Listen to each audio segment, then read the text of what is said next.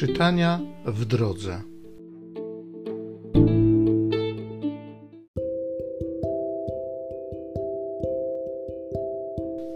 Z pierwszego listu świętego Pawła apostoła do Tesaloniczan. Paweł, Sylwan i Tymoteusz do kościoła Tesaloniczan w Bogu Ojcu i Panu Jezusie Chrystusie. Łaska wam i pokój. Zawsze dziękujemy Bogu za was wszystkich wspominając o Was nieustannie w naszych modlitwach. Pomni przed Bogiem i Ojcem naszym na Wasze dzieło wiary, na trud miłości i na wytrwałą nadzieję w Panu naszym, Jezusie Chrystusie. Wiemy, bracia, przez Boga umiłowani, o wybraniu Waszym, bo nasze głoszenie Ewangelii wśród Was nie dokonało się samym tylko słowem, lecz mocą i działaniem Ducha Świętego oraz wielką siłą przekonania. Wiecie bowiem, jacy dla was byliśmy, przebywając wśród was. Wasza wiara w Boga wszędzie dała się poznać, tak że nawet nie potrzebujemy o tym mówić.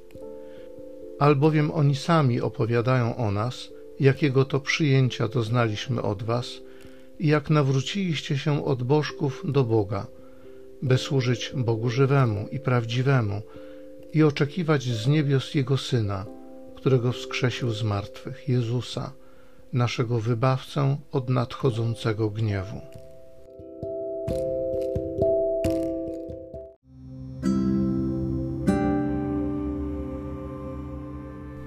Z Psalmu 149 Pan w swoim ludzie upodobał sobie. Śpiewajcie Panu pieśń nową, głoście Jego chwałę w zgromadzeniu świętych. Niech się Izrael cieszy swoim Stwórcą, a synowie Syjonu radują swym królem. Niech imię Jego czczą tańcem, niech grają Mu na bębnie i cytrze, bo Pan swój lud miłuje, pokornych wieńczy zwycięstwem. Niech święci cieszą się w chwale, niech się weselą przy uczcie niebieskiej.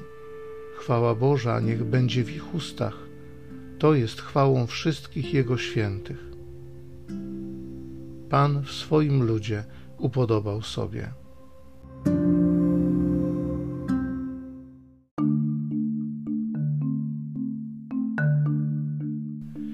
Moje owce słuchają mego głosu. Ja znam je, a one idą za mną.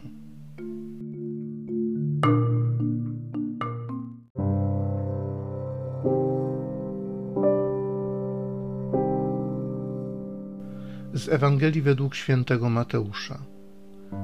Jezus przemówił tymi słowami: Biada wam, uczeni w piśmie i faryzeusze obłudnicy, bo zamykacie królestwo niebieskie przed ludźmi. Wy sami nie wchodzicie i nie pozwalacie wejść tym, którzy do niego idą. Biada wam, uczeni w piśmie i faryzeusze obłudnicy, bo przemierzacie morze i ziemię żeby pozyskać jednego współwyznawcę. A gdy się nim stanie, czynicie go dwakroć bardziej winnym piekła niż wy sami. Biada wam przewodnicy ślepi, którzy mówicie, kto by przysiągł na przybytek, nic to nie znaczy, lecz kto by przysiągł na złoto przybytku, ten jest związany przysięgą. Głupi i ślepi. Cóż bowiem jest ważniejsze, złoto czy przybytek? Który uświęca złoto. Dalej, kto by przysiągł na ołtarz, nic to nie znaczy, lecz kto by przysiągł na ofiarę, która jest na nim, ten jest związany przysięgą. Ślepcy. Cóż bowiem jest ważniejsze, ofiara czy ołtarz, który uświęca ofiarę? Kto więc przysięga na ołtarz, przysięga na niego i na wszystko, co na nim leży, a kto przysięga na przybytek, przysięga na niego i na tego, który w nim mieszka. A kto przysięga na niebo, przysięga na tron Boży i na tego, który na nim zasiada.